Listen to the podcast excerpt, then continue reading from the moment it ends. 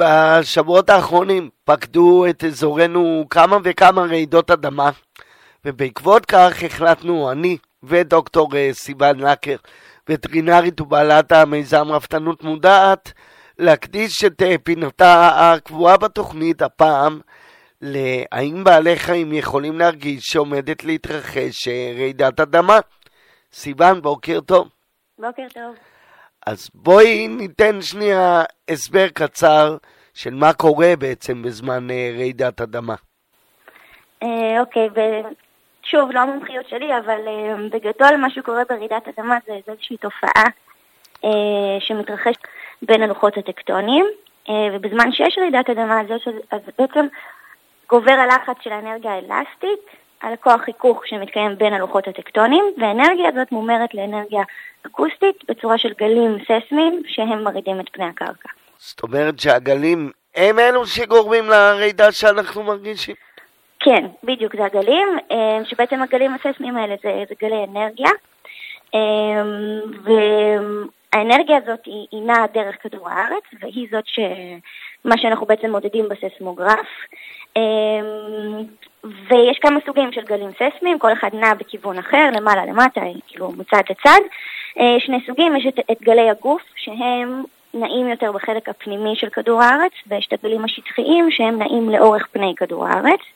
אה, הגלים הפנימיים מחולקים לגלי P ו-S, והגלים השטחיים מחולקים לגלי לאו וריילי, והגלים השטחיים הם אלה שבאמת יוצרים יותר את הרעידות האלה שאנחנו מרגישים. הבנתי. כן. אז uh, יש בעצם כל מיני סיפורים על זה שבעלי חיים יודעים לזהות שמשהו עומד להתרחש לפני נכון. שהאדמה רועדת. נכון. איך זה בא לידי ביטוי? אוקיי, אז מבחינת בעלי החיים מחלקים את זה להתנהגויות של חיות בר לעומת התנהגויות של בעל חיים שהוא מבוית. החיות בר יראו יותר התנהגויות של אה, תנועה שהיא לא אופיינית, כמו מעבר מאזור המחיה לאזור אחר, וחיות מבויתות מראות יותר התנהגויות של אה, חוסר שקט, לפעמים אגרסיה וניסיונות לברוח. ואם ניקח כמה דוגמאות מתיעודים שהיו בכל מיני מחקרים, אז, אז זה מתבטא נגיד בכלבים שפתאום נובחים המון, ואף אחד לא מבין למה, חתולים שקופצים מחלונות, חולדות שפתאום יוצאות מהמחילות ובורחות, ציפורים שצווחות בצורה לא, לא נורמלית, יש דבורים שיוצאים אה, מהכוורות ויוצרים כל מיני של דבורים, אה, יש גם תיעוד של נחשים שיוצאים מהאזור שלהם לא בזמן, כאילו הם, הם עדיין היו אמורים להיות בתרדמת החורף שלהם, הם פתאום מתעוררים ויוצאים, ואז פתאום יש המון נחשים שקופאים על פני האדמה, זה עוד תיעוד שיש לפני רעידות אדמה. ומה הם מצליחים להרגיש שאנחנו לא? אוקיי, אז, אז יש כל מיני אה, באמת שינויים גיאופיזיים, קוראים לזה, שהם מצליחים להרגיש ואנחנו לא מצליחים. זה ניתן כמה דוגמאות. Uh, הדבר הראשון, הם מרגיש, מצליחים להרגיש שינויים בטילט, זאת אומרת בשיפוע של האדמה, כי לפני רעידת אדמה יש כל מיני דיווחים על שינויים בשיפוע של האדמה.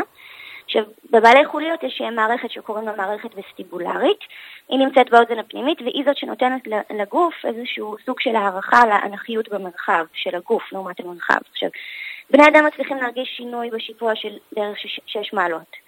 אה, בגלל זה לא סביר שאנחנו נרגיש את, ה, את השינוי בשיפוע של האדמה לפני רעידת אדמה, אבל בעלי חיים אחרים יש להם אה, רגישות אנכית גבוהה יותר והם כן מצליחים להרגיש שפתאום יש שינוי בשיפוע של האדמה ואז באמת הם יכולים לשנות ההתנהגות, זה דבר אחד.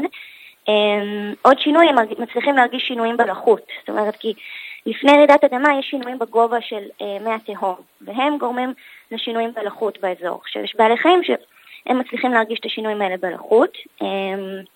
עכשיו זה גם הגיוני, כי אם נגיד גובה מי התהום פתאום עולה משמעותית, אז בעצם מפונה אוויר מהחלל של החורים, והאוויר הזה, האוויר הלך עולה למעלה, והוא בעצם מעלה את הלחות של האוויר באדמה וקצת מעליה. אז נגיד, עכבישים וחרקים, יש לנו חיישנים ש...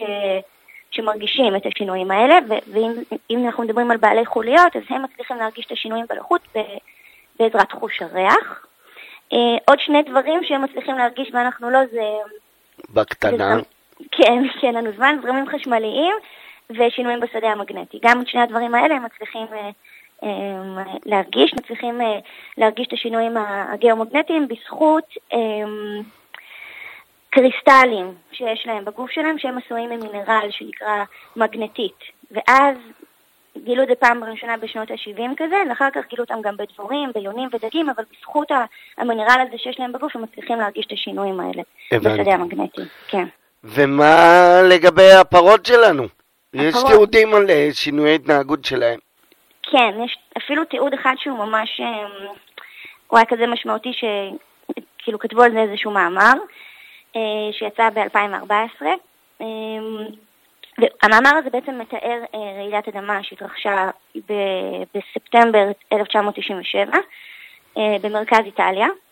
אה, עכשיו, בעצם מה שהמחקר הזה עשה במשך שלוש שנים הם אספו תיעודים ועדויות מאנשים שהיו בזמן רעידת האדמה הזאת, בעזרת שאלון שהם חילקו להם, ובעצם הם גילו שהיה תיעוד אחד שחזר על עצמו.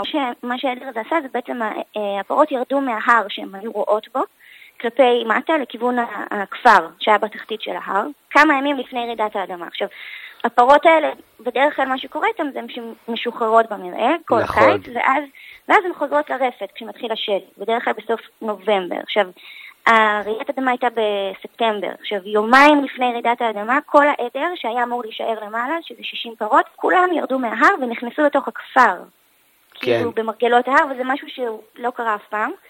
אמ, והם נשארו בכפר בין, בערך ארבעה ימים, זאת אומרת גם אחרי רעידת אדמה, ואז הם חזרו בחזרה ל- לראש ההר. זאת אומרת, יומיים לפני הם כבר הרגישו שמשהו הולך לקרות, והם שינו את המיקום שלהם כדי לשמור על עצמם.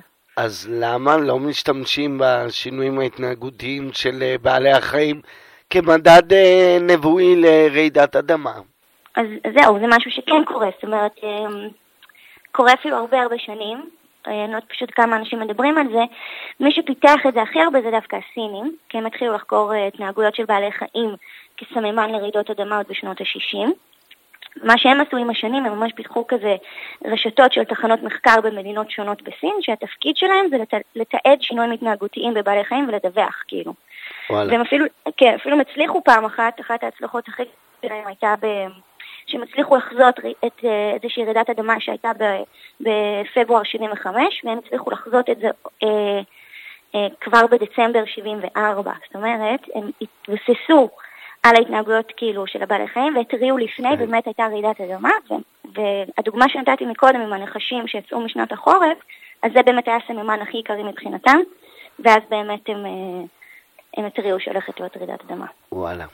יש, אה, ממש לפני שאנחנו מסיימים, יש סרטון מדהים, אני לא זוכר איך הוא נקרא ביוטיוב, על אה, משפחה בקליפורניה, שהכלב שלהם פשוט, כן. ובערך 4-5 שעות אחרי זה הייתה רעידת אדמה מאוד גדולה בקליפורניה. כן, אה, בדיוק.